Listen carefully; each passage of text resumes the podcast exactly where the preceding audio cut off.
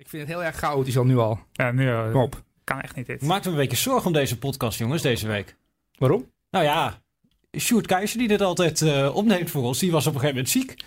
En eh Jardo van Wij, die het een beetje coördineert, die kwam naar me toe van... God, dit kun jij toch ook wel opnemen? Hey, wacht even, wie is Sjoerd Ja. Keizer? Ja. Die zit achter je. Ja, ik, ik doe hem gewoon de stagiair, maar hij heet Sjoerd. Hij Sjoerd. is, ja, hij is pas eh, drie maanden of zo. Goed om te weten waar ik sta. Ja, maar ik- Oké, nee, dan doen we hem voortaan gewoon Sjoerd. Ja, dan noem je hem voortaan gewoon Sjoerd. En Sjoerd is inderdaad eh, de stagiair, maar we merken dat de stagiair al behoorlijk eh, onmisbaar was. Want eh Jardo zei tegen mij, ah, je hebt er toch twee keer bij gezeten? Je weet toch wel ongeveer hoe dat werkt om dat eh, op te nemen? En toen dacht ik, nou, dan wil ik eerst nog wel eens zien of ik dat eh, daadwerkelijk weet. Dus Ach. ik, eh, ik, ik heb heel slecht geslapen deze week, maar hij is nu weer eh, fit. Dus volgens mij eh, moet het allemaal goed komen vandaag. Maar met afstand wel de beste stagiair die VE ooit heeft gehad. Dat moet ik wel even bij zeggen. Ja, ik weet niet of we hiermee andere stagiairs dan weer eh, gaan beledigen. Ik zeg het eigenlijk tegen el- elke stagiair. Oh ja. maar dat moet je niet doorvertellen. Ja, maar nu, ja, hij zit achter je, dus heeft het ook alweer gehoord. Ja. Nou ja, helaas. Die, ja, dat kan gebeuren. Ja. Sjoerd. Nou ja, Maar, de techniek werkt. En daar ben ik Sjoerd heel dankbaar voor. Nou ja, precies. En daarom kan ik jullie met een gerust hart welkom heten bij deze nieuwe aflevering van de Coëfficiënte Polonaise podcast.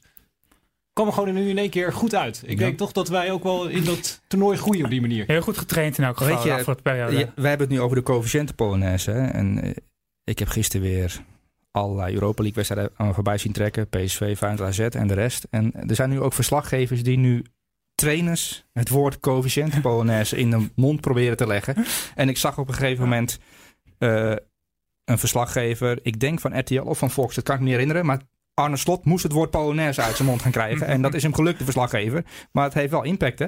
Het heeft zeker Ja, ik impact. bedoel, de, ja. de clubs weten wat ze moeten doen. Dus ze vechten niet alleen voor, eh, voor zichzelf, maar ook voor de coëfficiënten Ik Polonaise. ga om die ook, eh, punten. ja, ik zag eh, PSV met een eh, tweetje voor, voor de wedstrijd van dat ze die Polonaise eh, wilden gaan doen. En de KNVB laatst ook al. Ja, dus, Dus- het, dus- het bewustzijn is er wel. Is Maar ik weet niet of het misschien de, de, de verkeerde kant op gaat. Als we zeg maar te veel uitgaan dat het goed gaat, dat het dan misschien juist weer fout gaat. Ja, als je gaat kijken naar het algemeen, daar komen we zo wel op, anders verklap ik misschien alles al. Maar eh, het was aan de ene kant teleurstellend. En, en ik heb ook positieve dingen gezien. Maar nu eh, hou ik alles lekker in het midden. Een beetje verwend zijn we misschien geworden de afgelopen Ja, periode. dat sowieso. Want op zich een prima week ten opzichte van de concurrentie beleefd. Maar daar hebben we zo straks wel over. Maar misschien zijn we iets te, iets te verwend geraakt. Ik ben wel, ik ben wel heel benieuwd naar, naar de woorden van de coëfficiënte professor straks. Wat hij ons gaat... Wie is eh? Dat ben ik. Ja, professor. ja, jij bent een coëfficiënte want dat is professor. het eh, concept van deze Ja. podcast. Voor de mensen die misschien voor het eerst luisteren en denken... waar gaat dit in vredesnaam naartoe? We beginnen met een eh stagiair en dat gaat nu al over coëfficiëntenpunten. Het is een heel simpel concept. We bespreken de week eh, van ja, de Nederlandse teams die in Europa gespeeld hebben. Met op het einde de belangrijke vraag... wat betekent dit nu allemaal voor de coëfficiënte ranglijst? En die podcast die begint pas echt als we de tune van Koert Westerman hebben gehoord. Hij is een wandelende voetbalencyclopedie die samen met Riepke Bakker de titel Nederlands kampioen voetbalquiz draagt. Maar we kennen Michel Abink, want daar hebben we het over. Vooral onder zijn internetnaam Sportseloot. En dat omschrijft precies wat hij is. Helemaal gek van sport. Maar hij is ook gek van de coëfficiëntenranglijst. Gek hè? Dus daarom hierbij speciaal voor de coëfficiëntenlood. Een coëfficiënten Polonaise. Wij zijn terug, dus weg met de malaise, want nu is het tijd voor de coëfficiënten Polonaise.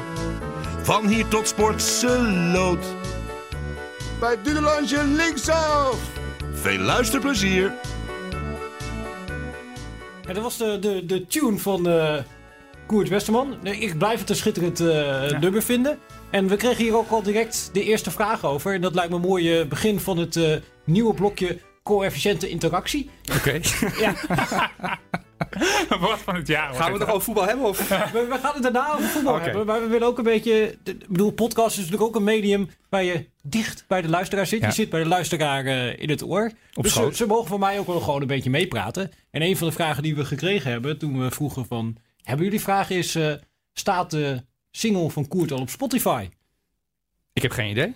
Misschien de stagiair weet De dat, denk ik. stagiair, ja. Ja.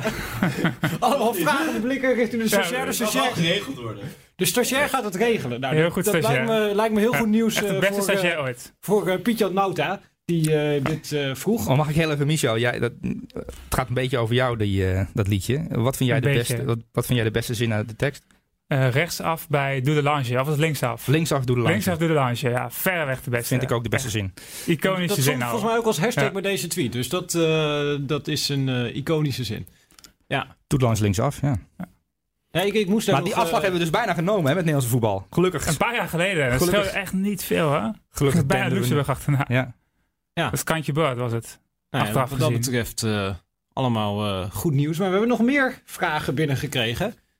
Oh god. Ik zou, ik zou de meest bijzondere even voor het laatst eh, bewaren. Maar dit is op zich ook al een opmerkelijk fenomeen. Die, die vraag begint met eh, beste Sully. En dan staat er tussen haakjes en hoofdletters GOAT achter. Oké, ja. Ja, kun, je dit, kun je dit even uitleggen, weet je wel? Ik bedoel, veel mensen zien dit misschien voorbij komen. Dit komt een beetje uit het YouTube-wereldje. Maar waarom word jij in vredesnaam aangesproken met GOAT? Normaal gesproken. Ja, ik heb ook geen idee hoe, hoe dat precies ontstaan is. Maar waar ik ook kom nu tegenwoordig eh, op eh, verjaardagsfeesten, bij schoonmoeder thuis. eh, op Jouw schoonmoeder spreekt je aan met GOAT. Ja, ook. Ehm, in de Albertijn. Op het sociaal, centraal station van Utrecht of Amsterdam of Zaandam of Kastrikum of waar ik ook ben. eh, ik moet echt uitkijken. En dan eh, dan word ik achtervolgd door mensen die me geit of geit of goat noemen. En dat is wel schrikken. Maar ik ben er nu zo aan gewend dat ik daarop reageer. En mijn eigen naam gewoon compleet negeer. Hey, ik zag dat is gisteren wel- een fotootje voorbij komen van iemand die ook weer een selfie met jou genomen had op eh, Centraal Station Utrecht. Is dat zo? Ja. Ja, ik heb eh, een aantal selfies genomen op eh, Centraal, ja. Als goat. Ja, nou, dat, dat loopt dus helemaal uit de hand. Maar dan hebben we ook nog een inhoudelijke vraag voor je. Oké. Eh, denk jij dat het Nederlands voetbal de aankomende jaren misschien wel weer een keer in de top 6 en misschien ook weer een keer in de top 4 kan komen? Groeten vandaan. Nou, dit is eigenlijk een vraag voor Michel, maar ik zal hem wel beantwoorden. Nou, ik ben geen goat, dat is voor jou. Nee, dus. nee. Ja. Top 4 onmogelijk. Top 6, dan moet Feyenoord ook Nou, wedstrijden gaan winnen, toch?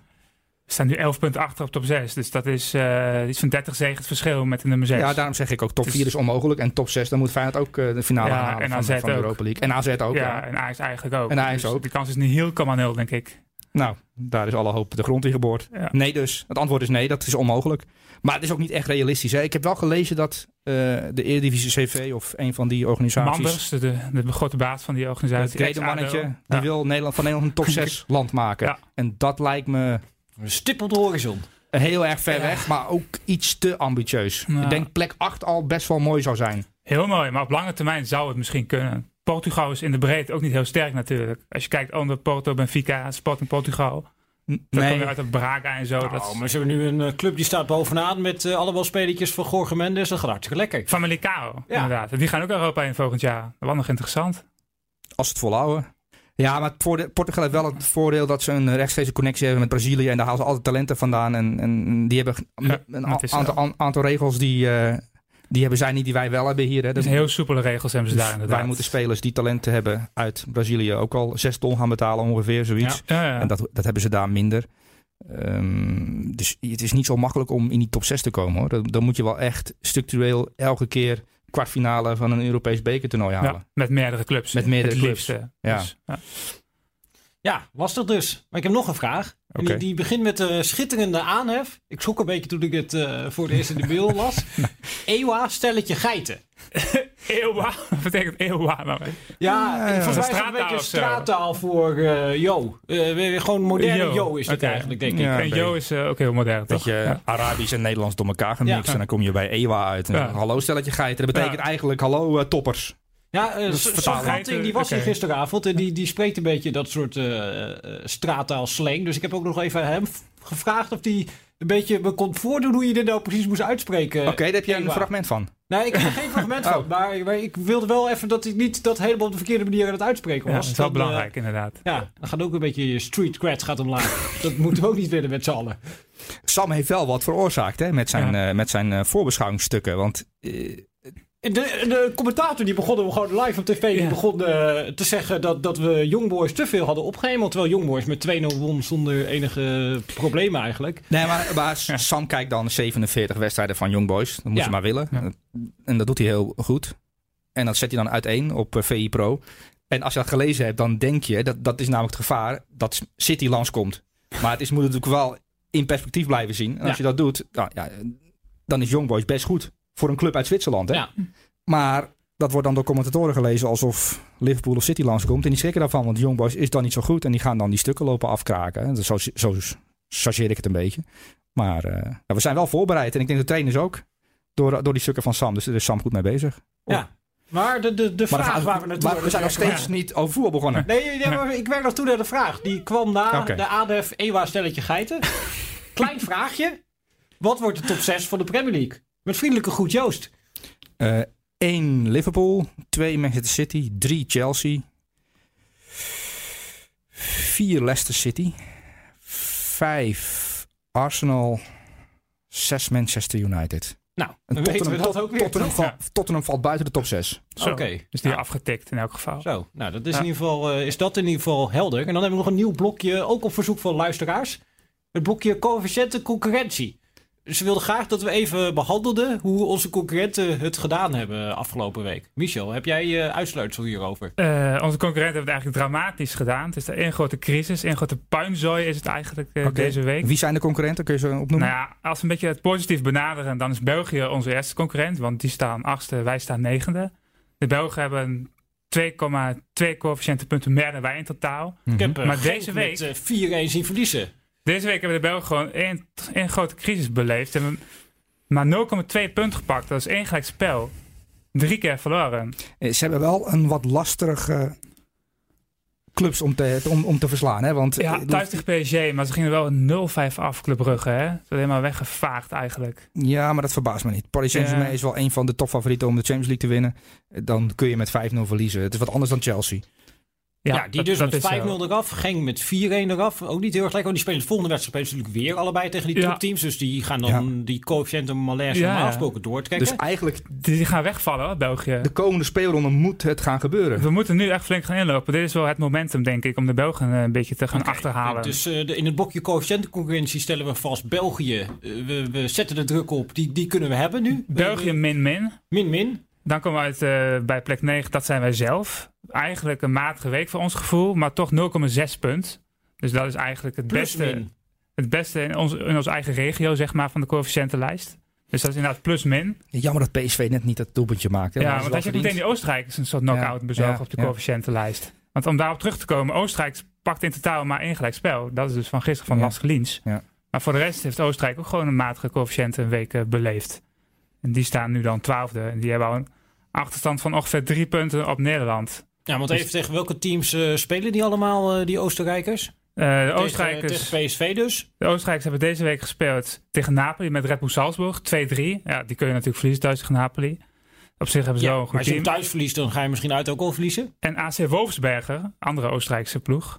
Ja, ik, ik hoorde er eh, Alex Pastoor bij Fox naar refereren met een term die ik nog niet... eh, ik, volgens mij zei hij iets van WAC of zo, iets in die richting. Ja, dat is gewoon een afkorting. Ja, AC, AC Wolfsberger, ja. En die Ja. van Istanbul Basaksehir. hier. Dat is ook Du- Turkije, een Duitsers andere en. Oostenrijkers korten alles af. En Alex Pastoor die voelt zich ook Ja. Oostenrijker. Dus die kort nu ook gewoon alles af. Dus FCB is FC. Bayern München Ja. vaak, ja. ja. FCA is Augsburg, ja. Maar goed, jij, jij kent dat Istanbul eh, BB, dat ken jij misschien een beetje. Jullie kunnen ze daar in die terugwedstrijd wel resultaten gaan pakken?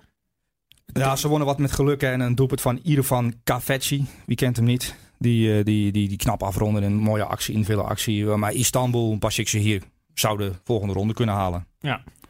Maar ze- Oostenrijk... Maar die andere Turkse clubs niet, hè. Die staan er heel slecht voor. Ja, is- staat onderaan, Trabzonspor staat onderaan. En Turkije is ook natuurlijk een coëfficiënt ja, concurrent. Trabzonspor, dat ken ik een beetje toevallig. is jouw clubje, toch? Het is mijn, mijn club. En het liefst zeg ik er niks over, want dat brengt ongeluk. Ehm, maar die zit in een hele lastige pool ook. Dus die hebben de pech van een heel lastige pool. Ja. En PSV heeft wel het geluk dat ze in een pool zitten. En AZ ook met Astana. Dat zijn wel clubs, als je gewoon je huiswerk goed gedaan Ja. hebt... en je voert zelf de dingen goed uit, dan win je daarvan. Ehm, maar ja, Trabzonspor zit in een hele lastige pool. En dat is eigenlijk ook wel het voordeel van, eh, van Nederland ook weer.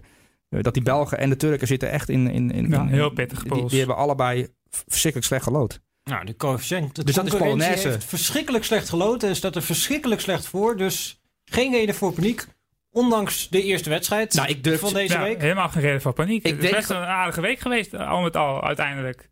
We moeten de conclusie natuurlijk nog een beetje opsparen. Maar Maar ik zou- zou was hard aan het toewerken. We denken, we moeten nu toch wel een keertje naar die ik wedstrijd ik gaan. zit, zouden we al voorzichtig een Polonaise kunnen lopen of instarten of zo? Dat vind ik gewoon leuk. Nou, dat Gewoon kan- even de Polonaise. Nee, dat, Nee, dat, nou, twee keer verloren toch? Dat blijft een beetje, als ik zo'n een beetje een coëffi- wranggevoel blijven. als ik zo'n podcast zou opzetten over de coëfficiënten Polonaise, zou ik wel zo om de 10 minuten graag eventjes verrast willen worden met een Polonaise. Nou. Gewoon er tussendoor, gewoon voor de vrolijkheid. Daar was nog iets te vroeg ook, denk ik. Nou ja, Dan moet je het s'avonds opnemen Het eigenlijk. is vrijdagmiddag. Het is vrijdagmiddag. Het is eh, kwart over tien. Is het Ja, het is kwart over tien, maar Ja. ik ga Het voelt als vrijdagmiddag. Maar wij hebben een Ja. stagiair die vrij traag is. Hè. Die, dit staat pas middags online. Ja, dat is zo inderdaad. we gaan borrelen inderdaad. ja. Kunnen we hem ook de coëfficiënte stagiair noemen? De Of- coëfficiënten stagiair. Ja. In te huren door alle clubs. Nou, de coëfficiënte stagiair heeft ervoor gezorgd dat we nu een schitterende instart kunnen doen van Marco Timmer. Die vertelt over wat eigenlijk het plan was van Erik ten Hag tegen Chelsea. En wat er uiteindelijk eh, van terecht kwam. Nou, vooraf eh, heb, je, heb je het met Ten Hag over van eh, hoe, eh, hoe ga je nou ervoor, ervoor zorgen dat je niet meegaat in de hoge intensiteit, in het hoge tempo van Chelsea. Hè? Chelsea is, is een Engelse ploeg. Engelse ploegen willen het spel dicteren. Statistieken van Ajax tegen Engelse ploegen die zijn zwaar in het nadeel van, van Ajax. Dat heeft daarmee te maken. Nou, dan moet je dus volgens Ten Hag, en hij heeft daarin heel erg gelijk, je moet balvast zijn. Lang, bal, lang de bal houden, lang in balbezit blijven, zodat jij het tempo dicteert. Ajax was de bal toch te snel kwijt. Eh, ik denk wij kan eh, spelen beter. Het was een moeilijke wedstrijd. Soms uh, wij hebben kleine, kleine uh, mistakes in uh, balbezit. Daardoor werd het niet het typische Ajax-spel wat je, wat je kon verwachten. Het is wel heel charmant hè, dat hij Nederlands probeert te praten. En het is ook leuk. Ja, tuurlijk. Maar- als aanvoerder is het wel goed. vind Het ik. is als aanvoerder ook Ja. goed. Maar er is, als je er goed naar luistert en het op papier ziet staan, geen touw om vast te knopen. Nee, nee. Wat hij zegt. Dat, dat- althans, ik. Ja, jij Nee, krijgt het is eh, de moeilijk. kleine mistakes balbezit Ja. van uh, die Tadic. Dat krijg je nog niet helemaal lekker mee. Nee, ik zou niet weten wat hij bedoelt dan. Nou, dat is uh, Maar misschien dat- fouten misschien maken in ja. balbezit. Ja, maar dat, dat, dat, dat is inderdaad wel een beetje waar. Dat ze kleine mistakes deden in balbezit. Ja, Nou, dat was denk ik toch wel een beetje het ding. Tenminste, Ja, maar dat is die was, dat is al die een aantal was, weken dingen. Nou, Ten Hag die was daar vooraf natuurlijk wel redelijk helder over. Van, hè, ons antwoord op eh, Chelsea zou eigenlijk moeten zijn dat we nou, rustig zijn in balbezit. Een beetje tempo uit die wedstrijd halen. Dat wij de momenten bepalen waarop het eh, tempo omhoog gaat. Ja. Maar het was ja, onrustig eigenlijk Ja. aan de bal. Je, je zag dat eigenlijk geen moment terug van wat hij wilde zien. En Ten Hag zei het zelf natuurlijk ook na afloop van... Nou ja, druk zetten was eigenlijk best goed. En dat deden ze op een riskante manier. Maar daar kwam Chelsea eigenlijk niet onderuit. Ja. Maar dan aan de bal, het was ja, niet misschien wat je zou mogen verwachten van Ajax. Of misschien verwachten we te veel van Ajax. Nou, hij was ook trainer toen ze tegen Juventus, Real Madrid en Tottenham speelden. En Ja. toen, als je, als je die wedstrijden in je herinnering roept, dan was het dat Ajax daar de bal makkelijk rondgaan. Dat de tegenstander, het leek alsof de tegenstander niet meedeed. in, in fases. Eh, in, in balbezit heel goed. Maar toen stonden er twee andere spelers op het middenveld. En je hebt nu twee centrale verdedigers. Of twee van nature of van origine centrale Mhm. verdedigers op het middenveld staan.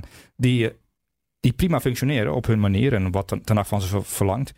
Maar het zijn geen middenvelders. En dat zie je, althans vind ik, steeds meer terugzien. Ehm, het hangt er maar net van af wat je van Lisandro Martinez ver- ver- verwacht of verlangt. Ehm, maar ja, de oriëntatie of de balbezit, ja, dat is niet zijn sterkste kant, denk ik. Nee, nou, als je natuurlijk... Als verdediger wel, dan is het ijzersterk. Maar als middenvelder verwacht je iets meer. En kijk, hij kan wel een bal goed aannemen en, en een bal pasen. Maar wat Frenkie de Jong heel goed kon, en Lasse Schöne ook, is pases niet geven. Die we allemaal kunnen zien. Denk, ja, die paas die geeft hij nu naar links. Het is prima een paas. Komt ook aan en wordt ook aangenomen. Er gebeurt iets mee. Maar misschien had je een, voor een optie B moeten kiezen. Waardoor je de tegenstander iets meer had kunnen verrassen. En dat mis je bij dit Ajax op dit moment. En ik denk, tenminste, ik zat er deze week een beetje over na te denken. Maar als je, wat, als je het natuurlijk realistisch beschouwt, dan speel je tegen een middenveld met Jorginho, Matteo Kovacic en Ja. Mason Mount. Ja. En bij Ajax staan daar Edson Alvarez, Lisandro Martinez en Donny van der Beek. Ja. En dan ja, kunnen we er heel lang over praten, kunnen we er heel kort over praten. Maar ik denk dat het realistische hiervan ook al is dat je dan moet constateren dat daar ja, op dat middenveld van Chelsea misschien wel gewoon meer voetballend vermogen staat. En dat we hier in Nederland allemaal wel verwend zijn geraakt. Maar ja, je kunt misschien ook het meest briljante tactische plan ooit bedenken. Maar dat is misschien toch gewoon een gebrek aan kwaliteit wat zich dan een En- beetje opbreekt. Ja, en vijf jaar voetbalervaring. Het zag je ook Ja, aan als je ziet wat Chelsea dan nog van de bank brengt, weet je wel. Ja. In die laatste 25 minuten. Dan komt dan Christian Pulisic, of hoe moeten we zijn naam uitspreken? Pulisic, Pulisic. volgens mij officieel. Ja, ik noem hem Pulisic. Dus Ja. En eh Michi Batshuayi, eh, de, de Belgische spits. Ja, er komt wel even iets van de bank. En als je dan Ja. ziet wat er bij Ajax van de bank komt in die slotfase... dan breng je Siem de Jong en eh Klaas-Jan Huntelaar nog in om iets te forceren. Maar dat, er zit toch nog wel een verschilletje tussen. Ze hebben ook nog Olivier, ze hebben Giroud nog gewoon eh, op de bank zitten... die ze op de bank kunnen houden. Maar die heeft gewoon een WK gewonnen. En is basisspeler bij de nationale proef. Ja. Ja. de beste ploeg van de wereld. is Die basisspeler. Dat is wel- En die komt er niet in. Ja, kijk, we zijn misschien, ik zeg we, maar ik bedoel gewoon in Nederland eh, over Ajax iets te positiefs gaan denken. Maar dat heeft te maken met Ja, we afgelopen zijn seizoen. normaal Ja, gaan vinden, weet je wel. Dat, Ja. ze, dat ze wel even winnen van Valencia. Dat ze wel even winnen van Lille. Ja. Dat ze wel even de halve finale van de Champions League halen. Terwijl je Ja. speelt gewoon tegen Chelsea. En nou ja, vooraf was natuurlijk ook een beetje discussie van Ten Hag. Die ook zei van ja, wij worden in de favoriete rol gedwongen. Dat slaat eigenlijk nergens op tegen een Engelse topploeg. Maar is, ik zeg we, we in Nederland, maar ik merkte ook in de Engelse media echt euforische stemming de dag daarna over Chelsea. Alsof ze de Europa Cup gewonnen hadden. Wat ze hebben van het grote Ajax gewonnen. Het mighty Ajax is verslagen. Met al die talenten. Dus het is ook een beeld wat niet alleen in Nederland eh, is ontstaan, maar ook in de rest van de wereld. Dat Ajax een hele goede ploeg is. En dat is Ajax ook, voor Nederlandse begrippen.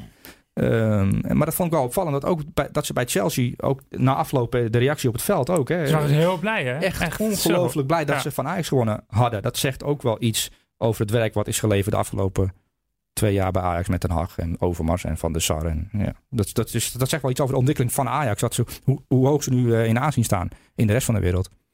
Maar goed, daar ging het hele verhaal niet over. Ehm, wat, wat mij opviel, Cezinho Dest, groot talent, Ja. rechtsback.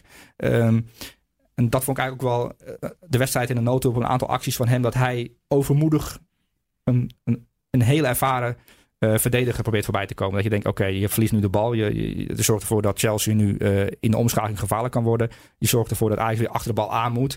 Ja, Eh, ik, ik, ik herinner me nog een moment. eh, ik weet niet of zijkant. het eerste of dat- inderdaad dat hij tegenover Marcos Alonso staat. En dat, dat hij dan denkt- op een gegeven moment zo'n afvallende bal die hij eigenlijk oppakt. En Ja. dat je dan denkt: oké, dit is een moment Rustmoment. waar eigenlijk jouw hele. Die, dit is waar jouw trainer de hele week over gepraat heeft. Ja. Van nu misschien even terug, even die Ja. bal in de ploeg. Dat vond ik eigenlijk het moment van de wedstrijd dat je denkt... het verschil tussen Chelsea en Ajax... dat is Serginho Dest, jeugdige overmoed.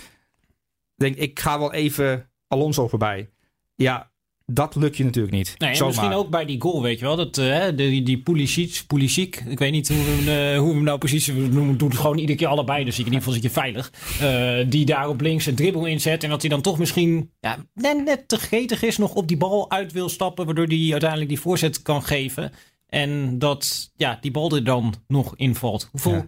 coëfficiëntenpunten heeft dit ons gekost, deze goal, eh, Michel? 0,2 uiteindelijk. 0,2. Eén punt. Dat Gedeeld hebben we door inderdaad gedeeld door vijf. dat aantal clubs wa- wa- wa- waarmee we begonnen deze campagne. Dus er zijn er vijf. Eén gedeeld door vijf is 0,2 punten. Ja, Heeft dus het we zijn door. België eigenlijk bestolen van 0,2 punten. Maar eigenlijk, eh, dat hebben we net ook geleerd, dat hij helpt zijn eigen land met dit doelpunt. Behalve Chelsea. Wel, Ja, want België is dus eh, een grote rivaal. Een grote concurrent. Ja. En Nou ja. daarop moeten we inlopen en dat is niet echt gelukt. Helaas. En tegelijkertijd natuurlijk ook wel een beetje een moeilijke rol, hè, Dest. In, Ja. in deze wedstrijd, tenminste volgens mij was een beetje het eh, idee dat hij vaak aan de binnenkant Da, kwam stond als wel soort van extra middenvelder. Ja. Zodat, ik denk dat het idee was, die eh, paaslijn naar Sierk open kwam te liggen. Want Chelsea probeert vaak een beetje te drukken met die buitenspelers eh, naar de binnenkant. Waardoor ze eigenlijk alleen de back aan de buitenkant hebben. En als dan Dest ook aan de binnenkant gaat staan, dan neemt hij misschien een mannetje met zich mee. En dan kun je in één keer vanuit Veldman openen naar Sierk. En dan kan het gaan gebeuren. En dat lukt ook nog wel een paar keer in de wedstrijd. Alleen dan vervolgens was ook de voortzetting van Sierk vaak niet goed. Het was op de een of andere manier ook een beetje rommelig daardoor. Want ook in de eerste helft waren een paar momenten. Op een gegeven moment speelt Onana speelt ook keihard over de grond Ja, eh, in op Tadic. En dan heb je eigenlijk een 4 tegen 4 situatie. En dan wordt dan net niet uitgespeeld. En ik denk dat je gaat kijken naar die kansen. Dat Ajax eigenlijk de grootste kans gecreëerd uit die inworp. Waar dan dat doelpunt van Quincy Promes eh, wordt afgekeurd. Uit twee corners waar ze eh, gevaarlijk zijn met eh Donny van der Beek en Edson Alvarez. En dan ja, open spel. Ik kan me niet zo heel veel uitgespeelde kansen herinneren. Ja, voor een ploeg waar, waar veel kritiek op is, op Ajax, hè, dat, dat, dat middenveld, dan hebben ze best nog wel kans gehad om deze wedstrijd te winnen. Zeker, het Dus was dat is op zich lang. ook wel opmerkelijk. Dat, vond, dat was ook tegen Valencia en Lille, toen was het aanvallend beter. Het, eh, maar ook tegen Nu was Chelsea. het verdedigend eigenlijk Tegen beter Chelsea- ja, het was in die verdedig- vorige twee wedstrijden. Maar daar heeft Ten Hag ook aan gewerkt. Daar had hij het voor de wedstrijd ook over. Dat je zei, eh, hij zei dat ook. Ik wil dat we minder eh, kwetsbaar worden als we de bal hebben. En dat, dat, dat ze maar kwijt zijn dat ze meteen met tw- twee man voor de goal staan. Dat, dat een gevaarlijke kans oplevert. Zoals tegen Valencia en Lille. Ehm, dus je ziet wel dat er aan deze ploeg gewerkt wordt. Dat er een idee achter zit. Dat vind ik eigenlijk al prettig. Ehm, en dat het dan een nederlaag oplevert ja, tegen Chelsea. Dat kan een keer gebeuren. Het is wel zonde dat het op deze manier gebeurt. eh, in de slotfase. Met een momentje dat wel te voorkomen was geweest. Ehm, en daaraan zie je wel dat Serginho Dest nog wel een weg te gaan heeft. Alhoewel heeft, hij moet wel veel informatie verwerken, heb ik wel het idee. Als eh, rechtsback ook van, eh, van Erik ten Hag. Want dat naar binnen staan en zo, weet je wel. Dat is wat Guardiola ook met zijn backs doet. Ja. Dat moet je wel 90 minuten lang eh, scherp staan en scherp zijn. En je vraagt natuurlijk ook En het is ook moeilijker, hè? Want eh, als back, ja, dan in principe vanaf de recht, hij staat de rechtsback. Dus dan vanaf rechts kan er niks komen, want er staat de zijlijn. Dus Maar de- deze daar heb je jongen- geen gevaar. Achter je gebeurt niks, want Nee. er komt nooit een speler van achter je druk zetten. En dan, ja, als hij op het middenveld staat, dan komen ze van alle kanten. En dat is toch inderdaad een soort van, nou ja, overload waarschijnlijk op zijn brein van alles komt van alle kanten en hoe los je Ja. dat op. En dat doet hij vaak best goed, maar ja, het is ook best lastig. Ja, tot een half jaar geleden had hij maar één taak. En dat is als rechtsback naar voren knallen en weer terug. En weer naar voren. Eh, Dat speelt in een jeugdploeg. Ja, dan heb je dit allemaal natuurlijk niet. Dan heb je niet te maken met, eh, met die kwaliteit van spelers om je heen. En, en dat, moet je soms wel even beseffen. Oké, waar komt die jongen eigenlijk vandaan? Oh ja, eh, de A1 of Amerika onder 17, waar hij dan hoofdrol speelde hè, op het WK. Eh, maar daar speelde hij ja, als een soort rechtsbuiten. Eh, en op papier stond er dan rechtsback achter zijn naam. En dat is totaal anders. En, eh, ja, die jongen is eh, heel snel omhoog gekomen. En terecht, want hij heeft echt kwaliteiten. Maar in zo'n wedstrijd zie je dat hij... Ja, hij heeft nog wel lange weg te gaan om, om Alonso voorbij te dribbelen. Moeten we ons al zorgen gaan maken over eh, Ajax in deze pool? We hebben natuurlijk gehad over die coëfficiënte bonuspunten die Ajax kan pakken als... eh, In totaal vijf bonuspunten als Ajax overwint het. Dat zijn wel lekkere punten. Dat is Vijf één vol coëfficiëntpunt. Dan Ja. gaat dus heel veel inlopen op België. Want die gaan er waarschijnlijk allebei uit, denk ik, in de Champions League. Genk en Club Brugge. ja. En Ja. Lille tegen Valencia. Dat was uiteindelijk denk ik misschien wel gunstig voor Ja, die wedstrijd heb ik gevolgd. Het- ik moest daar iets over tikken, maar dat was echt een verschrikkelijke wedstrijd van beide kanten eigenlijk. Ook van Valencia, die hebben gewoon één kans gehad eigenlijk. En meteen een doelpunt. Zo heel eff- effectief eh, dit jaar in uitwedstrijden Valencia. Maar Maar Die was wel mooi uitgespeeld. dat was een mooie counter inderdaad, maar verder liet ze helemaal niks zien. Dus ik denk dat Ajax zeker gewoon de top 2 eindigt in deze groep. Nou, dat kan het eigenlijk bijna niet anders. Het gaat erop aankomen, denk ik. Ajax, Valencia. ja, laatste de- de- speeldag. in Amsterdam. Dat, Ja. is, dat is, zal dan een soort van finale zijn. Mocht Valencia winnen van Lille. Dat weet ik niet of dat en gebeurt. dat is maar de vraag. Ja. En hangt er ook een beetje vanaf wat Ajax in Londen doet hè, tegen, tegen Chelsea. Want daar kunnen ze ook zomaar winnen. Want het is niet, ik, ik, het is ja. niet zo dat, dat Ajax slecht heel kansloos dicht bij is. elkaar. Het is een heel rare pool is dit Als zeg maar die goal van Promes en dat had best kunnen gebeuren als die VAR hem op een ander frame had stilgezet. Dan maak je die goal en dan win je misschien gewoon die wedstrijd eh, van Chelsea. En ja, zo dicht zitten denk ik wel bij elkaar deze twee teams. Ik vond wel, eh, of ik vind het knap dat eh, Frank Lampert bij Chelsea met jonge jongens toch ook ze tactisch wel eh, gedisciplineerd laat spelen. Zo'n Fikayo Tomori. Dat maakt op mij wel een, eh, een goede Dat indruk. is erg goed En inderdaad. Callum Hudson-Odoi, die is omhoog geschreven. Groot Ja. talent. En dan, dan neemt hij een keer een bal verkeerd aan. En begint de commentator al te zeggen... Ja, nou, zie je het niet groot talent. Hij is echt een gro- heel groot talent. Eh, en ik vind Ik heb ook ook wel... wel een beetje gelachen. Om, weet wel, over die Tomori, er werd er een beetje van gedaan alsof die aan de bal matig zou zijn. Terwijl Ja. Ik, ik, ik zie niet heel veel centrale verdedigers die zo jong zijn als hij. En die zo comfortabel zijn eigenlijk aan de bal. Alleen misschien nou ja, ziet het er niet uit als een speler die, waarvan mensen meteen aannemen van die is comfortabel aan de bal. Misschien is het een beetje eh, het uh, Koulibaly-effect, die eh, centrale Ja. verdediger van de Napoli. Nou, die is ook heel groot en heel sterk. En dan denk je, oh, dan zal hij wel niet zo goed zijn aan de bal. Terwijl hij ook wel eens in goed is aan de bal. En dat is hij ook wel een beetje. Maar we hebben in Nederland sowieso de neiging... of in Nederland is, bestaat de neiging... om als een keer een verdediger een bal verkeerd raakt... met zijn linker en als Koulibaly het overkomt... en dan wordt er meteen oh, een typische verdediger... die kan niet, eh, weet je wel... maar zonder dat je die speler eh 50 wedstrijden gezien hebt... Dat is een beetje te makkelijk en dat gebeurt heel veel. In Nederland wordt heel veel over voetbal gepraat door mensen die eigenlijk nooit naar voetbal kijken. Dat is een beetje eh, wat je ziet. En dat is soms wel eens jammer. Als zo'n uh, Hudson Odoi is echt een groot talent. Ja, die kan ook een mindere wedstrijd spelen. En die Tomori, uh, ja, die maakt op mij wel echt een grote indruk. Uh, in de competitie een aantal keer gezien dat, mm, nou, dat, moet, dat is echt een talent. Die maakt nog een aantal fouten. Maar Lampert laat hem wel staan. Dat betekent wel dat hij, dat vertrouwen in hem heeft. En dat het echt een talentvolle jongen is. Dus het kan zomaar zijn dat Tomori de komende jaren gewoon de linker centrale verdediger is van, van Chelsea. En dat er eindelijk een opvolger is voor John Terry. Dan heb ik nog een los eindje over deze wedstrijd. Een dat los is eigenlijk, eindje? Ja, een los eindje. Eigenlijk de vraag, Tammy Abraham, is hij nou snel of is hij niet snel? nou, hij heeft, een, hij heeft een beetje de, de loop van een flamingo. Hè, met zijn lange benen. Dus Want de Daily Blind, die zei na afloop, zei die, eh, voor de camera's van eh, Fox Sports, van, eh, ging die, zei die eigenlijk van, eh, nou die Tim Abraham, wat was hij snel hè? Omdat het ging het daar natuurlijk voor de wedstrijd veel over, van eh, kun jij wel samen met Joe Veldman soms sneller speler afstoppen? En hij had eigenlijk zoiets van, nou we hebben hem geen enkele keer gezien in de diepte, dat, dat viel allemaal wel mee en dat is allemaal een beetje overdreven. dat, dat is ook zo.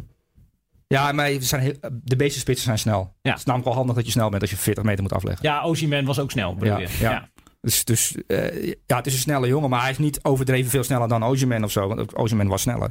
Eh, maar waar gaat het over eigenlijk? Want dat Abraham snel is, ja of nee? Ja, nou, dat, dat was een vraagstuk wat, eh, wat op werd geworpen door eh Daily Blind. Die zoiets had van, nou, die Maar ik vind hem vooral- Is dat misschien te veel? Is dat naar voren Fysiek gebracht? sterk. Fysiek sterk. Eh, hij kan goed een bal afschermen. Hij kan goed koppen. Hij is handig voor iemand van zijn lengte. Handig in een kleine ruimte. En, en kan een mannetje passeren om een doelpunt te maken. Niet Ja. een mannetje passeren om een voorzet te geven. Maar een mannetje passeren of om ruimte vrij te maken voor een schot. Daar is hij goed in. Maar het is niet iemand die, die 50 meter. Hij lijkt me niet zo heel eh, overdreven veel sneller dan andere spitsen. Nee, dat, eh, dat niet. Mooi. Maar het is Nou, wel een snelle speler, ja. Dan eh, hebben we dat eh uit maar Daley Blind is ook best snel. Ja, 0 coëfficiëntenpunten, Michel. 0,0. Ja, en dan kunnen we door naar die volgende wedstrijd die ook 0,0 eh coëfficiëntenpunten Um, opleverde. Eh, eh, eh, Michel Abink is ook snel, hè? ja, die Ons, is, onze coëfficiëntenprofessor. Die, Ja. hoe- Dat is een heel moeilijke vraag hoeveel punten dit opleveren. nee, nee, nee, maar jij loopt, eh, jij loopt eh, hoe hard? 10 kilometer in? Nou, de laatste jaren wat minder snel dan vroeger. eh. Maar nu ongeveer 42, 43 minuten of 42 zo. minuten. Ja, is 10 jeetje, kilometer. man. doe ik hem niet na. Nee, ik ook niet, eh Julie. dat is niet overdreven snel, hè? Als Nee, is niet je overdreven. een beetje traint, dan heb je het zo wel gehaald. Dat, eh, Nou, ik, vind die 10, tijd. ik vind 10 kilometer per uur op de loopband mo- vind ik wel heftig. Mooie uitdaging eh, voor onze luisteraars. En dan kunnen we nu ondertussen even gaan luisteren naar Martijn Krabbendam... die het heeft over de fouten van Feyenoord tegen BSC Youngboys. dat is natuurlijk het hele verhaal. Hè. De spelers van Feyenoord die lossen elkaar dit seizoen af in het maken van, eh, van domme fouten. Want waar sloeg dit nou weer op? Ja, 1-0 achter. Nog een penalty eroverheen en in feite is de wedstrijd eh, gespeeld. Uh, Youngboys geloofden het daarna wel.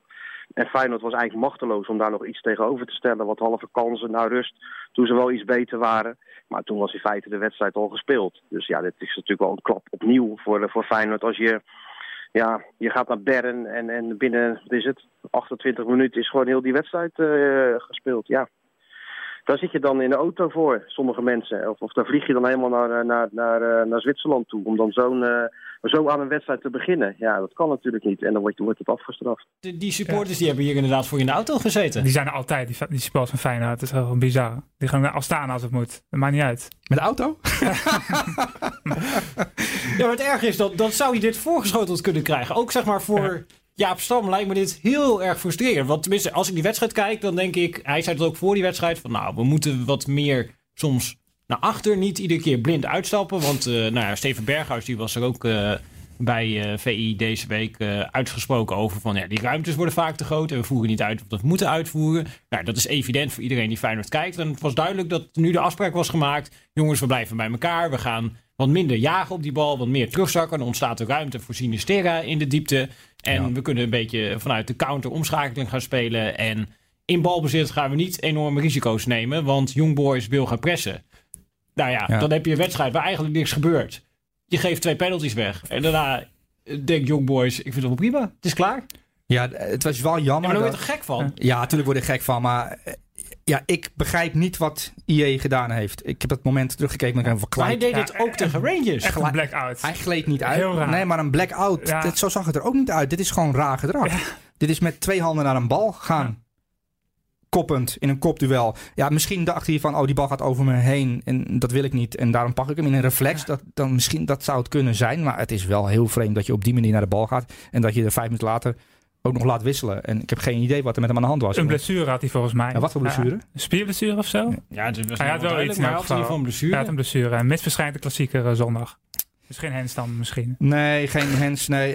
En, en Bottekin deed niet veel slechter hè, dan, eh, dan IE. Want die pakte de bal tenminste niet in zijn handen vast. Ja, dan, eh, maar ik vond wel, wat ik wilde zeggen, eigenlijk vlak voor rust, 42 minuten denk ik, of zoiets. Eh Sinisterra, die, die inderdaad, zoals Stam dat bedoeld heeft, doorkwam en eh, best een knap schot ook nog. een heel eh, knappe redding van, die, eh, hij- van Bomos. Die, die keeper was goed Boys. uitgekomen Ja. en pakt die bal. Eh, maak je daar de 2-1, dan zou het in de tweede helft... Hè, dan, dan, Ja, er dan was kun- nog zo'n aanval vlak voor rust. Toen eh Senesi die hem inspeelt op Kukju, die hem opent naar eh, Berghuis, die ook achter die verdediging komt. En die hem dan net zo half met de arm meeneemt, waardoor hij niet door mag gaan. ja. Als inderdaad een van die twee aanvallen ja, wel iets oplevert, dan om even het eh, grootste cliché alle tijden te gebruiken, heb je altijd Het is geen cliché, want ik wil, wat ik wilde eigenlijk nog zeggen. Dat eh, jij zei, of jij begon met het feit dat, eh, dat Young Boys het wel geloofden. En dat was in de tweede helft zo, want die gingen de 2-0 eh, veilig spelen. Eh, maar met een 2 in stand kun je dat niet doen. Eh, dus dat is wel jammer dat dat doelpunt vlak voor rust niet viel. Want dan had je in de tweede helft wel een andere dynamiek gekregen. En had Feyenoord misschien ook het idee gehad... oké, we kunnen de 2-2 nog maken. Want met een 2-0 achterstand, ja, wordt het wel lastig. Maar die fouten, ja, ik begrijp eh, Martijn wel... dat hij, eh, dat hij dan op die manier reageert. Ja, want je, Feyenoord krijgt in de extra tijd, los van die penalties, krijgt ze pas een eerste schot op doel tegen. Ja. Nou, Young Boys was niet indrukwekkend. Alleen IE pakt een bal als een korfballer in zijn hand. Vreemd. En ja, wat moet je daarvan zeggen? Jaap Stam gaf er nog wel een tikje. Ja, ik, ik weet niet wat Diego Simeone zou gedaan hebben eh, met IE. Maar ik denk dat hij een half jaar gewoon niet meer in de basis gekomen was. Want dit zijn fouten, daar kun je gewoon niet... te- ja, dat valt niet tegen op te voetballen. Nee, maar, Als je, als je zo Nee, maar kwetsbaar wat bent als Martijn toch ook zegt, het is toch ook wel lastig bij Feyenoord. Ik bedoel, als je dit gaat kijken voor het hele seizoen, hoeveel rare fouten er bij Feyenoord gemaakt zijn. En Janne Arie van der Heijden die heeft in het begin van het seizoen heel veel rare fouten gemaakt. Erik Botteguin hebben we enorm tegen AZ. Dat was Ja. natuurlijk ook een he- heel raar moment. Karstorp hebben we rare dingen zien doen. Nou ja, IE eh, die heeft het dus ook al in eerdere wedstrijd op deze manier hens gemaakt.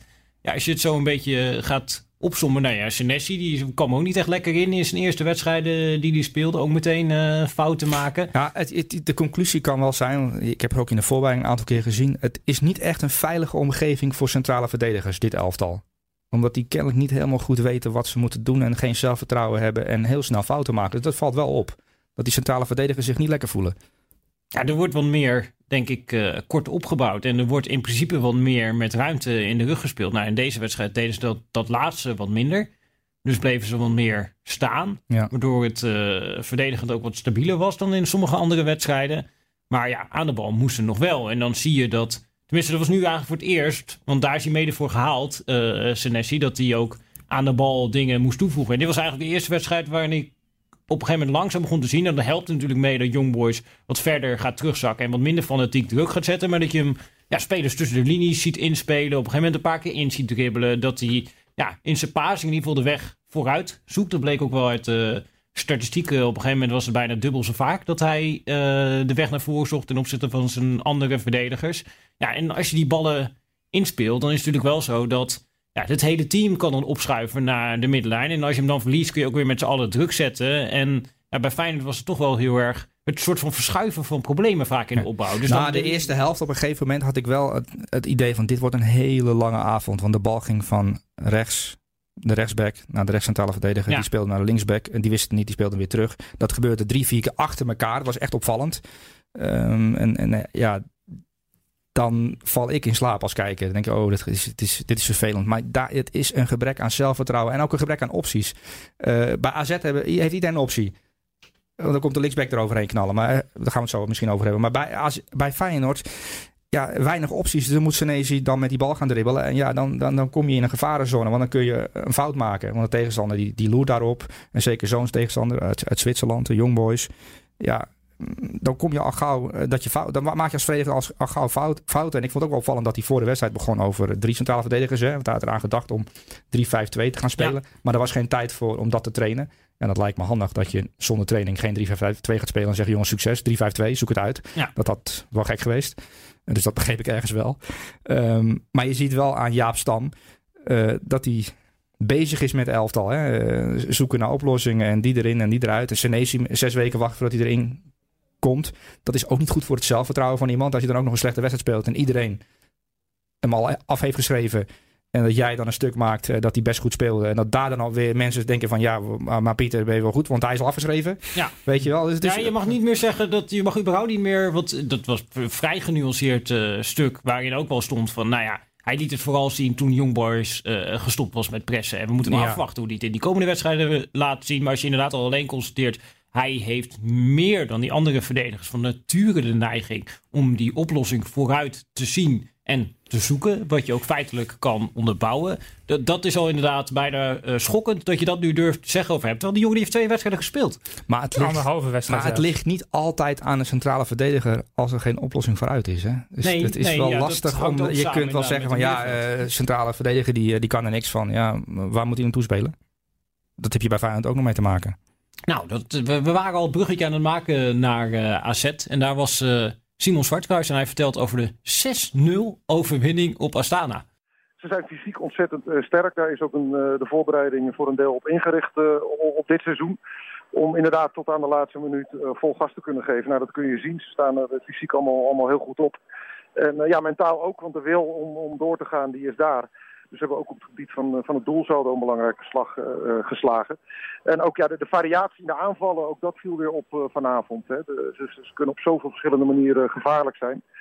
Met name Myron Boadou erg sterk spelen. Die, ja, die, die telkens de gaten indook waar ze, waar ze er waren. Of dat nou aan de zijkanten was in de diepte of even terugzakken. Hij was heel vaak aanspeelbaar en, en ook balvast. En ja, ook doeltreffend weer vandaag. En ja, hij speelde een belangrijke rol in die, in die aanvalsgolven die maar door bleven beuken inderdaad. Ja, Michel, ik kon me dit eigenlijk niet meer herinneren. Dat er een team, zeg maar, los van de, de traditionele top 3, dat die zo huishoudt in de groepsfase van een Europees hoofdtoernooi. Dat is inderdaad een tijdje 6-0. geleden, ja. Volgens mij moeten we dan terug tot Heerenveen ooit. Die won ook met 5-0, maar dat was officieel geen groepsfase, maar gewoon een eerste ronde van een hoofdtoernooi. Tegen wie was dat en wanneer was dat? Volgens mij was het in 2004, 5 de eerste ronde tegen, of 5, 6 tegen Pe- Petach Tikva volgens mij. Toen werd de return uitgesteld om, vanwege de veiligheidsredenen of zo. Maar inderdaad, los van de top 3 is het een tijdje geleden. In de poolfase sowieso is volgens mij nooit gebeurd. Wel gewoon in de eerste ronde. Ook zelf AZ. eh, 40 jaar geleden tegen Red Boys Diverdange. Ja, werd dat was 11-1. 11-1. 11-1 of 11-0 inderdaad. Ik dacht 11-1, maar dat weet ik niet helemaal zeker. Nou, mensen denken dat jij nu een blaadje voorleest, maar dat doe je gewoon uit je blote hoofd. Dat is echt. Ja, Ja, ik ben- het ook niet voorbesproken. Het is ook niet, nee, het is ook niet eens voorbesproken. Het is niet zo van Michel, er komt straks een vraag over eh, grootste overwinningen. Misschien kun je alvast nadenken. Maar Nee, ik, ik heb mensen ook gevraagd of ze eh, eigenlijk een soort van breek de machine. eh, gewoon of ze vragen willen insturen voor Michel Abink naar podcast.vi.nl. Maar ik heb geen quizvragen gekregen die ik aan het kan stellen. Ja, Wat jammer ik echt zeg. jammer vind. Ik kan me echt verheugd, dit. Want het echt een is leuk wel leuk element. om even inderdaad hier live eh, te doen. Michel, eh, WK 1934. Opstelling van de winnaar. Italië, combi. Ja, ik kan niet de hele opstelling van Italië 34. Niet. Ja, tegen Tsjechoslowakije was de finale. Eh, Puk maakte de 0-1. Oosti maakte de 1-1. En Schiavia maakte de 2-1. Het nee, dit vind ik 2-1. al voldoende informatie hoor. Je bent echt geslaagd. Meazza, Ferrari, Combi, Monti speelde mee. Want die speelde in 1930 bij Argentinië. Toen verloor hij. Toen maakte hij een transfer naar Italië. Dat mocht toen nog. Ja, dat wist ik ook, ja. Maar eh, Maar Meazza, leuk. ja, die speelde in 34 en 38 Meazza. 38, En Ferrari ook. Ja. Won twee keer op rij het WK met eigenlijk een heel ander elftal. Heel bijzonder. Zeker. Ja. Ik weet niet of de mensen nu nog luisteren. Eh, Ja. ik, dit, eh, Nee, we hebben even afstand Maar- genomen van de 6-0 van AZ naar het WK 1934. Maar we zijn nu ook alweer snel weer terug. maar we hebben, je hebt Google en je hebt Abink. Ja. En wij werken met Abink bij VI. Ja, hij is toch betrouwbaarder. Dan ben je minder afhankelijk van al die algoritmes en zo. Dat eh, is denk ik veel beter. Fascinerend. Big data, levensgevaarlijk. Maar Maar hoe, hoe, hoeveelvoudig eh, kampioen voetbalquiz winnen ben jij? twee toch? Drie keer Drie. NK. Drie Ja. keer de NK.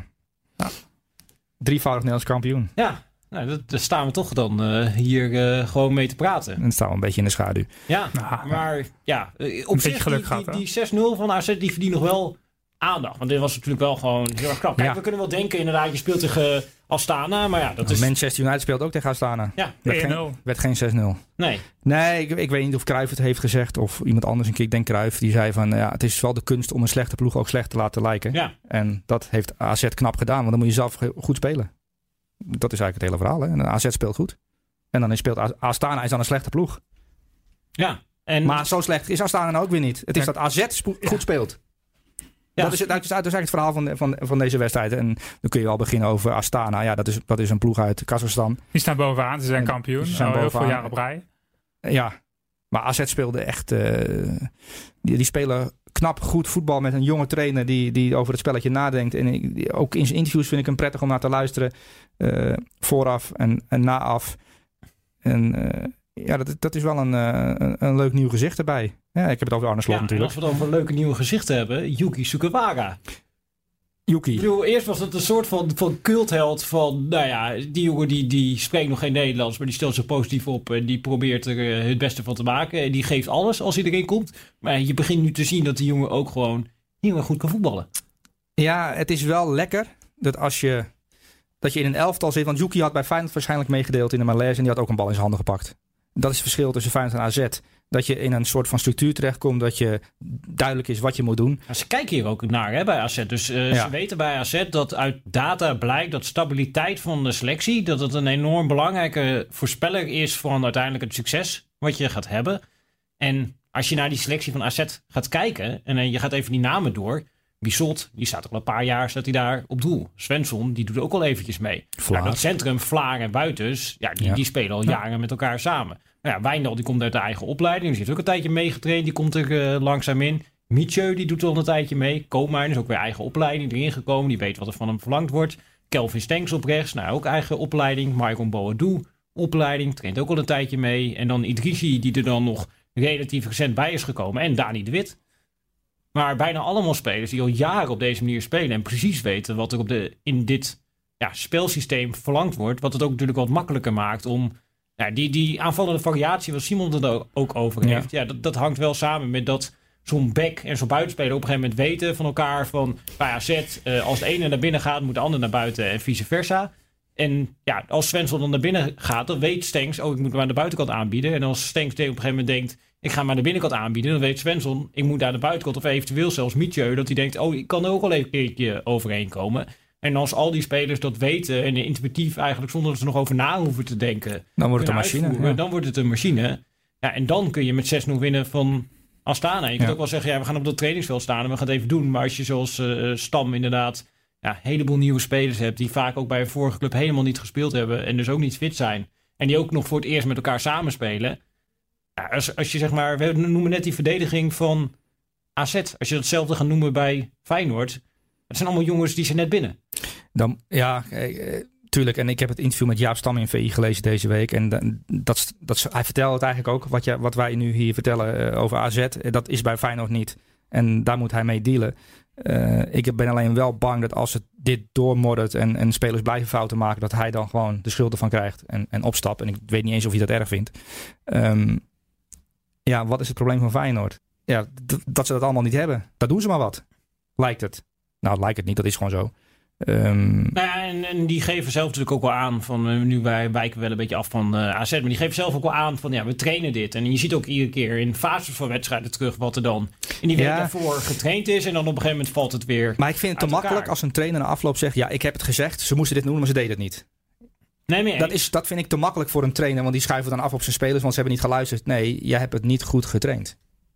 Want anders hadden ze het wel goed uit kunnen voeren. Eh, je kunt niet Nou, zeggen. tegelijkertijd heb je natuurlijk ook wel te maken met de realiteit. En tegenstander, ja. En met inderdaad eh, een tegenstander.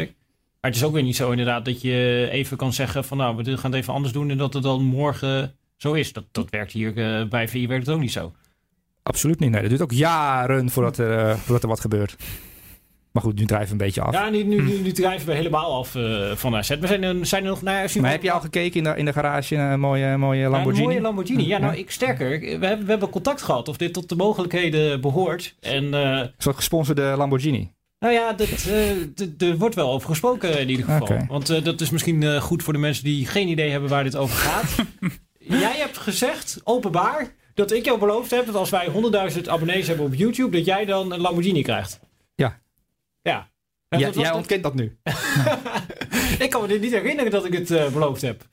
Maar het staat niet op internet, dus de mensen nemen nu waarschijnlijk gewoon in één keer aan van dat het wel zo, zo is. Ja, ik heb van Trump een aantal dingen geleerd. Je moet gewoon dingen roepen en dan gebeuren ze. Dus dit is nu een vaststaand feit. Het, het gaat gebeuren. Bij 100.000 abonnees krijg ik een Lamborghini. En dat kun je niet meer ontkennen, want het staat zwart op wit. dus, dus ja, dus, dus dat, wordt, dat wordt nog leuk.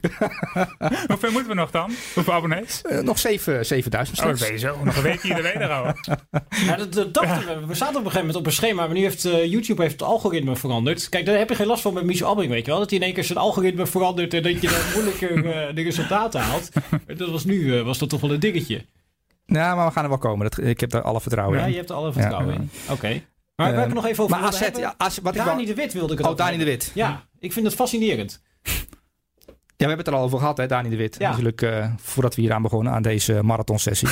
maar Dani de Wit, ja, dat is een... eh, hoe noemde ik het nou ook weer? Een draufganger, toch? Nee, draufganger Een is de term, draufganger is die, de term eh, van- Ja, jij Oh, zei ja. een, een Spookpresser. Spookpresser. Spookpressen, uitstekend. Ja, dat zag ik bij een van die goals toen inderdaad meteen terug. Dat, dat hij zet inderdaad van achteruit op een van die jongens druk. Hij valt zelf half om, maar AZ verovert wel die bal in de hup doelpunt. En bij de 3-0 was het toch? Niet Ja. bij de intikken van Stengs Ja. uiteindelijk. Ja.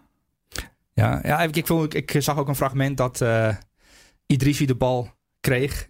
En dan kun je gewoon het beeld stopzetten. En dan kun, kan ik aan mijn vrouw vragen, weet je wat er nu gaat gebeuren? En als ze mee heeft gekeken, dan zegt ze, ja, daar komt de linksback overheen. Weet je, dat is het knappe van AZ. Dat zelfs iemand die meekijkt, die heeft geen verstand van voetbal, die weet, ah, daar komt nu de linksback eroverheen. Het is best wel helder hè, wat, wat daar gebeurt. Het is niet zo heel eh, opzienbarend allemaal. Want, er- maar, maar het is wel knap dat dat gebeurt de hele tijd. Eh, want je moet ook op de juiste moment lopen en die tegenstander wordt kapot gespeeld. En kans na kans, hè. ik zag de expected goals.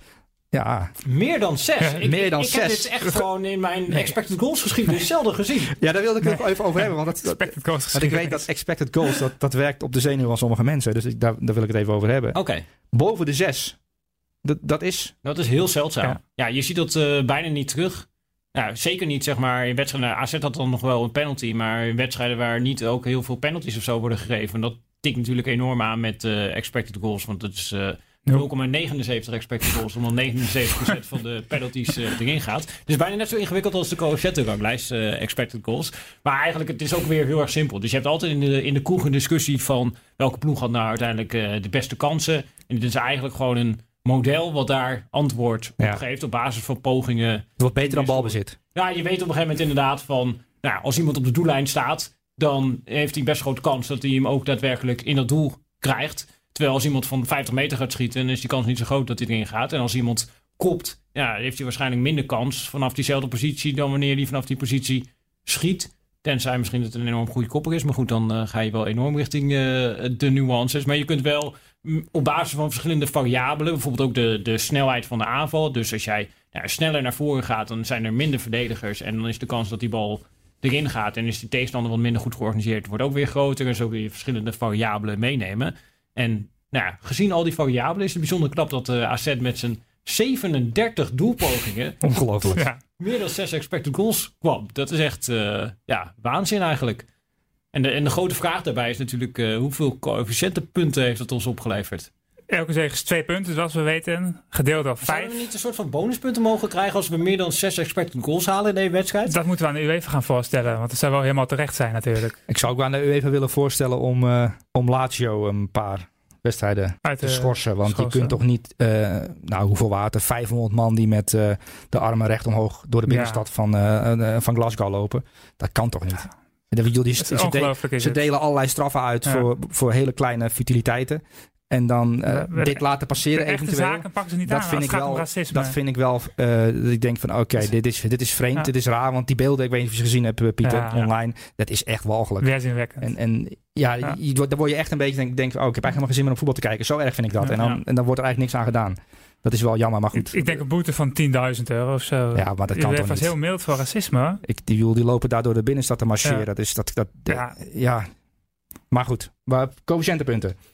0,4 uiteindelijk dus levert dit op. Ja, AZ. twee punten voor een overwinning, ongeacht het toernooi. Delen door vijf deelnemers is 0,4 punten. Ja. En dat klinkt weinig, maar dat is veel. Dat is net zoveel als eh, Turkije met vier clubs deze week heeft behaald. Dus Nou, als je zo eh, voorstellen, uitdrukt. AZ is er eentje gedaan tegen Astana. En dan gaan we door naar die andere Nederlandse club die coëfficiënte Oh, we- punten voor ons binnenhaalde. Oh, PSV. dit, dit gaat nog gewoon door het Dat- feest. ja, dit gaat nog door. PSV speelde tegen Las Lins en eh, onze verslaggever uh, Reo Boeringa die was erbij.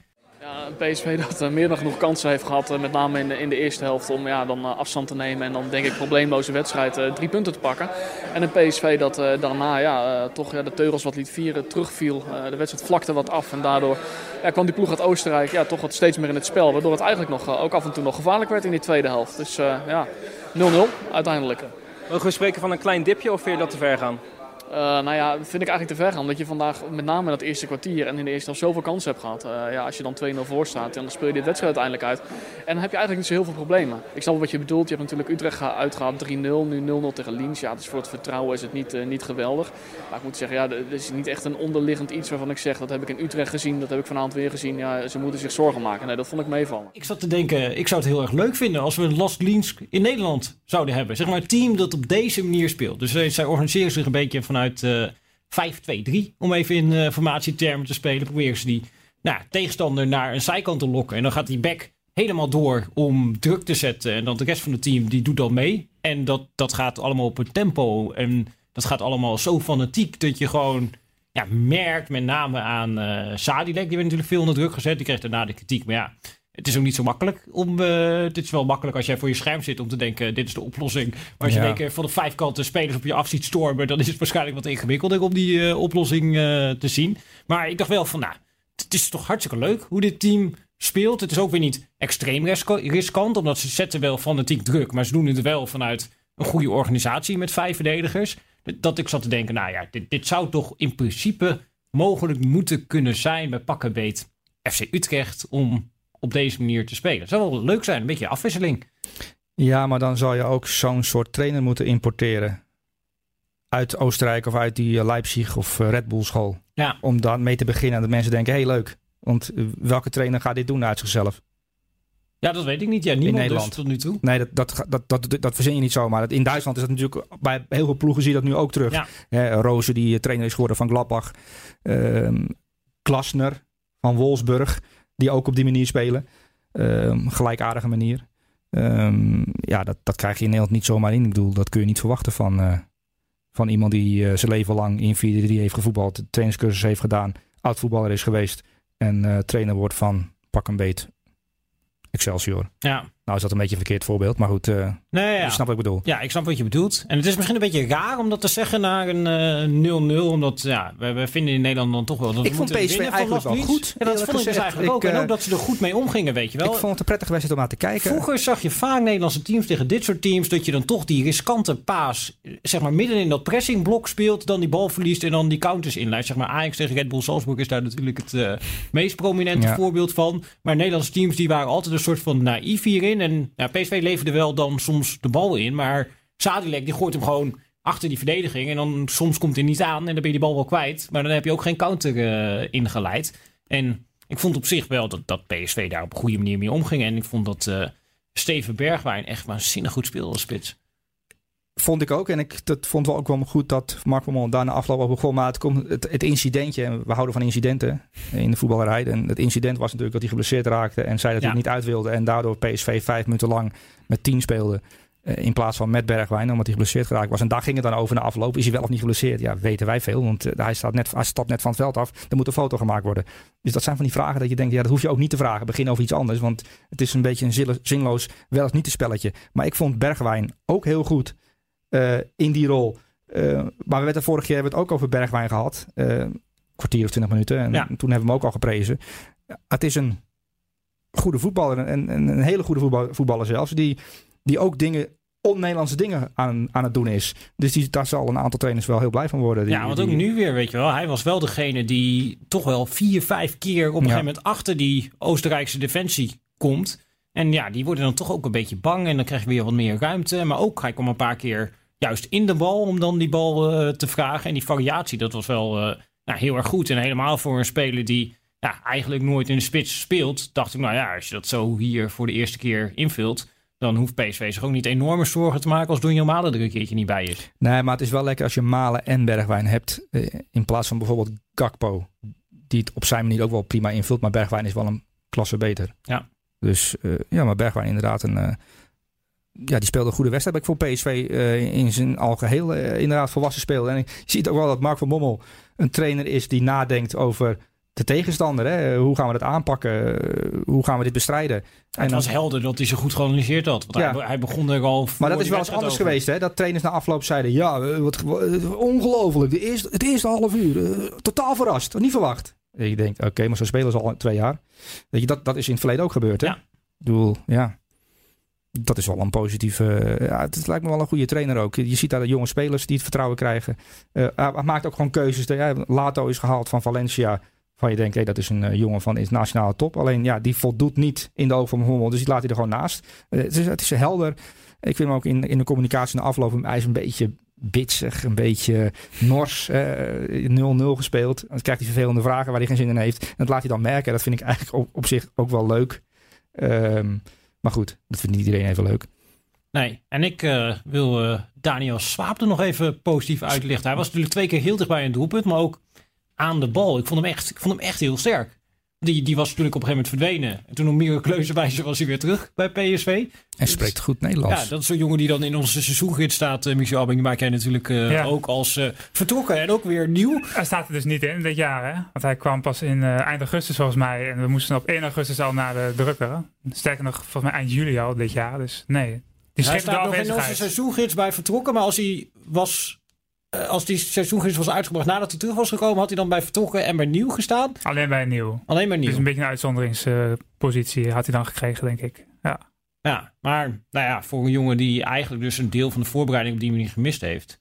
Ja, hij deed mee alsof hij nooit iets anders uh, gedaan had. En het voelde weer heel vertrouwd, Viergever en Swaap. Ja, en jij vond Swaap goed spelen. En, en, en, we hebben ook allemaal naar Dumfries weer gekeken. Hè? Die, die, die wel heel veel ruimte heeft om te doen wat hij goed kan. Dat is naar voren rennen. Het is wel jammer dat hij zich, ja, ik weet niet hoe jij daar tegenaan kijkt, ontwikkelt hij zich op het vlak waar hij zich op moet ontwikkelen. Dat is uh, als hij eenmaal daar voorin is gekomen en de bal is in zijn voeten, dat hij dan een goede afspeelkeuze maakt. Want daarin, ja. gisteren ook een aantal keer dat je, mm, jammer. Of, nee, dat klopt. En dat, dat is wel, dat is zeker wel... zeg maar, als je hem in de eerste maanden bij PSV zag ten opzichte van Herenveen, maar dat was bij Herenveen ook al ten opzichte van Sparta, ja. dat hij heel snel een sprong vooruit maakt en heel snel zich aanpast aan de nieuwe omstandigheden. Ik weet ook nog wel dat hij na uh, die wedstrijden tegen Spurs, dat hij nou, eigenlijk in een soort van vlaag van verstandsverbijstering nog helemaal aan het praten was over die Jungmin Son en hoe ingewikkeld het was om tegen zo'n jongen te spelen die dan heel veel variatie heeft in zijn spel. Maar ja, hij is wel een speler, zeker ook verdediger, die dan heel snel die, die stappen wel maakt en zich daar op een gegeven moment leert tegen te wapenen. Alleen, ja, aan de bal in de eindfase, maar ook zeg maar, hij, hij wordt natuurlijk vaak al door, en dat is dus ook een kracht van de trainer, hè, Van Bommel die schuift hem vaak wat verder naar voren, ja. waardoor hij niet in die opbouw in die situatie komt waar hij in het Nederlands elftal iets vaker in komt. Dat hij zeg maar de bal krijgt en dan eigenlijk uh, een passingoptie moet gaan geven, dat, daar is hij niet sterk. Dan heeft hij niet echt dat, dat overzicht en de rust om dat op een goede manier te doen. En gaat hij vaak weer terug, waardoor het tempo uit die uh, aanval gaat. Dus dat, dat is niet zijn kracht. En hij is eigenlijk beter als hij in eindfase er overheen kan denderen. Alleen dan inderdaad, wat jij zegt, ja, maakt hij niet ook daar altijd de juiste keuze. Maar ja, dan vind ik hem wel dreigender. En hij wordt bij PSV wel echt in zijn kracht gezet. Ook zeg maar met als Jeroen Zoet lang speelt, is het ook vaak richting Dumfries, die daar dan staat tegenover een bek. En dan wint hij wel dat soort luchtduels. Dus nou, dat wordt wel redelijk gecamoufleerd in de speelwijze. Maar hij moet daar nog wel beter in worden als hij uiteindelijk echt nog vanuit PSV weer een stap wil zetten. En tegelijkertijd de ontwikkeling van Dumfries tot nu toe, dat nou ja, suggereert misschien wel dat als je hem weer op een iets hoger niveau neerzet, dat hij misschien dan ook wel zich weer heel snel aanpast ja. aan de nieuwe omstandigheden. Fysiek, fysiek vind ik het wel indrukwekkend hoor. Ook, uh, ook tegen die Oostenrijkers, uh, tegen Las Lins, uh, zie je wel dat hij fysiek kan. Hij makkelijk mee in de top. alleen het maken van de juiste, juiste keuze op het juiste moment, dat zit er af en toe nog. dat zie je ook bij Oranje. Dat is ook het probleem natuurlijk van Oranje. Daarom is er ook een rechtsback discussie. Omdat hij dat niet beheerst. Of niet goed genoeg beheerst. maar Van Mommel lost dat ook weer keurig op. Net zoals hij de tegenstander prima geanalyseerd heeft. Alleen jammer van die kansen. Want ja, scoort Bergwijn in de eerste minuut. Ja, dan, dan kan het ook zomaar 4-0 kunnen worden. Ja, dus, zelf staan ja, dus, dus, dus PSV speelde eigenlijk wel goed. Alleen jammer dat die, dat die overwinning niet eruit gehaald is. Uh, niet eens voor die, vanwege die coëfficiëntenpunten. Nou, nee, het kost ons 0,2 coëfficiëntenpunten ja, dit, toch? 0,2 punten. Elke ja. sta nu, ik sta hier nu al een uur rechtop. En, uh, en ik, ik kom nu eigenlijk steeds meer tot de conclusie dat die coëfficiëntenpunten me eigenlijk... Uh, weinig kunnen schelen. En toch is dat... dat niet. ja, dat meen ik eigenlijk wel. Ja, ja, ik vind het gewoon mooi. AZ ontwikkelt zich. Je ziet daar jonge spelers uh, zich ontwikkelen. En een trainer die, die, die interessant is. Mark van Mommel ook. Een, een relatief jonge nieuwe trainer. Uh, die die ploeg aan het voetballen krijgt. Um, Ajax met Den Haag en al die talenten. Uh, alleen bij Feyenoord ja, zie je het niet. En, en, en dat vertaalt zich automatisch in, in, in, in coëfficiëntenpunten. punten, Dus je moet ja. gewoon een goede trainer aanstellen. Ehm, maar goed. En dan komen p- punten vanzelf binnen. Ja, over punten gesproken. We, we het eindigen is dus altijd met eigenlijk- het coëfficiënte weerbericht. Want we hebben het ook over Oekraïne Ja. en Turkije en zo. Maar als je, als je salarissen in Turkije, als ik, die voor jou, als ik jou nu vertel wat eh, de linksback bij Gensley Billy bijvoorbeeld vertel, eh, keer verdient. als die van PSV Ja, waarschijnlijk. en hè? allemaal netto. Allemaal netto, en, ja. en die maken zulke vreemde, rare keuzes. Als je weet wat al die spelers van Galatasaray en Besiktas verdienen. Hè, 2, 3 miljoen netto, allemaal. Hoe kan dat toch daar in Turkije? Ja, hoe kan dat? Ja. Ja. er zijn een aantal dingen waar je afvraagt, hoe kan dat? Nou, als, je dat als je die vraag stelt, dan weet je hoe, hoe, hoe het gebeurt. Niet helemaal op de eerlijke manier Nee, misschien. nee. Eh, heel veel schulden. Galatasaray heeft heel veel schulden. Ehm, en daar moeten wij tegen opboksen. Eh, met gezond verstand. Nou, dat, dat zie je nu in Nederland terug. Met gezond verstand. En we staan boven Turkije. en we ver boven Turkije. elfde. En die doen het heel slecht met de financiële middelen die ze hebben. Dus kun je nagaan. Het weerbericht wil je, wil je Ja, nu kom ik Turkije niet meer in. Eigenlijk een typische dag in de herfst of lente. Af en toe een buitje, af en toe zon. Maar in de landen om ons heen, dat is gewoon sneeuw, mist, ijzel. Dus wat dat Zit er het nog een depressie nieuws. aan te komen vanuit het oosten? Of hoe moeten we dit zien? Vanuit het oosten, nou Oekraïne en Rusland, die presteren dramatisch eigenlijk eh, al het hele seizoen. Dus daar is echt... eh, Opklaringen zien we in daar het is het oosten. min, ik denk min 10 of zo daar momenteel. Ik zie, Dus- ik voorzie trouwens, ik zie wel een mooi nieuw concept. Je weet dat je, er bestaat ook een naked weather. Dat wordt- nou, ik zie het niet zo zitten, Sully. Maar-. nee, dat je het laatste deel gewoon even alles uittrekt en naakt de coëfficiënten. ik denk, ik zie daar geen concept voor, in. voor onze Nee. vrouwelijke kijkers. Ik zie daar geen concept in. Nou, Nee, ik dat wel. gaat niet door. En het stagiair ook. Toch stagiair, dat gaat niet door, toch? De naked, ne- naakte coëfficiëntenpuntenranglijst gepresenteerd door Michel Het Adder. gaan we allemaal uitknippen, stagiair. Het marathon, eh marathonwonder van VI. 43 minuten. Knap hoor. Nee, 43 43 is niet zo goed. Ja, wel. Als je een beetje traint, heb je het zo. Nou, we hoorden net dat eh, de stagiair haalt deze tijd niet. Nou, maar 43 minuten, 10 de kilometer. stagiair 51. eh nou, hij, hij moet ook 40 uur per week werken van ons natuurlijk. Dus ik snap het wel. Hij heeft niet zoveel tijd om te trainen. Dat, dat, Maar hoe hard loop je dan nog? gemiddeld per uur? Nou, als ik echt goed ben, 15 per uur. Maar nu 14 of 14 Maar ik raad iedereen aan die nog de- de- deze... Bijvoorbeeld, stel je voor dat nu iemand op de loopband staat... Met de- naar deze coëfficiënten podcast aan het luisteren... en die loopt 10 per uur en jij zegt 15 moet, moet kunnen. Zet hem maar die loopband. Ik, ik adviseer nu degene die nu luistert... Eh, doe maar zet die loopband op 15. Dan kunnen we wat mee gaan maken. Dat is hard man, 15 per uur. Ja, 14, 14,5 ja. Ja, Niet altijd Nou ja, dus, eh, Ja, dus weet je waar dat is? 14,5 nou per ja, uur. dat is enorm hard. Ja, ik moet er niet aan denken, eh, Julie. Nee, ik eh, moet er zeker niet aan denken. Maar eh, ja, ik geloof dat we daarmee wel een beetje richting, eh, richting het einde zijn gekomen. We zijn weer terug Nu bij al? de...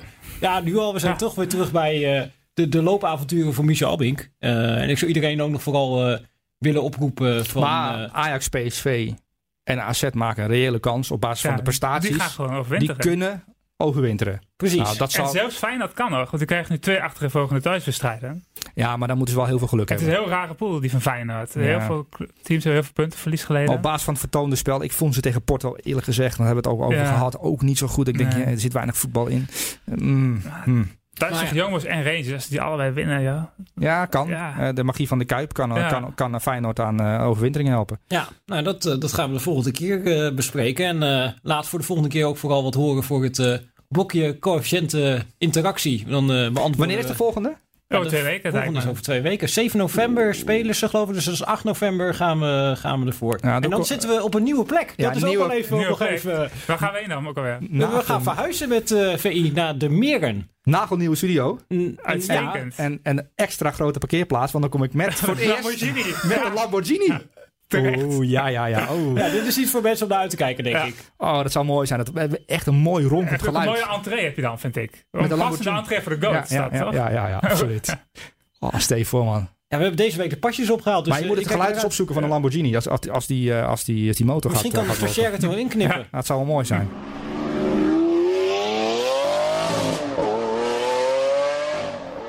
Oh, Ik krijg lekker. nog druk, die stagiair. Ik heb er zin in, jongens. Met de Lamborghini naar de Meren. Mooi pand, toch? Ja, schitterend pand. Ja. en, een hele mooie plek voor de podcaststudio. Je hebt eigenlijk, Ja? als, je, als je er binnen loopt, heb je meteen uitzicht op, op de hoek met, met een glazen wand. Waar, waar dan wij dan de Coëfficiënte Polonaise podcast aan het opnemen zijn. En gaan lopen ook, hoop ik, toch? Nou, dat, daar moeten ze eerst even winnen. Ja. Er, er is Ja, ruimte. is er is wel een, eh, een pad gemaakt voor de Coëfficiënte Polonaise. Heel Dat goed. is wel belangrijk om daar rekening mee te Maar, houden. Ideale looproute uitstippelen. Op basis van het spel, hè, eh, los van de punten en eh, uitslagen, is, is, is er een kans dat er een Nederlandse ploeg de halve finale haalt? Of, of niet? Van de Europa League. Van de Europa League of de Champions het. League? Ik denk dat de Europa League dat het kan. Als Ajax onverhoopt de Europa League in moet na de winter. Maar ook PSV, hè? PSV is echt heel moeilijk te verslaan. Ze kunnen echt Ja. goed verdedigen. Nou, ja, Utrecht kan PSV wel verslaan. Maar voor de rest, PSV, is- verdedigend staat het ontzettend goed. En ja, ze kunnen vanuit de omschakeling spelen. Ze kunnen wanneer mogelijk kunnen ze ook het spel maken. Dus, dus Het zou voor de ontwikkeling- komen. Ontwikkeling. sterke clubs heb je ook niet echt in de Europa League, vind Nee, ik, toch? Nee, Nou, ja, je krijgt natuurlijk wel drie de van de Ja, straks bij. niet van iets derde geworden in de Champions nee. League. Dus Nou, of de Engels... ik, ik durf hier, eh, la- laat Ja. ik dan eh, mijn, mijn eer inzetten op dat ik hier zeg eh, PSV, halve finale Europa League, dat gaat gewoon gebeuren. Ja, ik, wat bedoel je? Wat, wat, is Ja. jouw, wat is jouw eer precies? Ja, ik denk, kan, hier- kan hier geld op gaan zetten. Ja. Maar, eh, Of een Lamborghini, dat, kan eh, ook. Oh, zo bedoel je. Ja. Ja, Oh, die, die, op die manier. ja, Ja, ja nee. Dat- wat dat jij- als ze ik- nu de groepsfase uitgaan, dan zegt iedereen, eh, die gast die zegt eh, dat ze de halve finale gaan halen. Zat er lekker naast.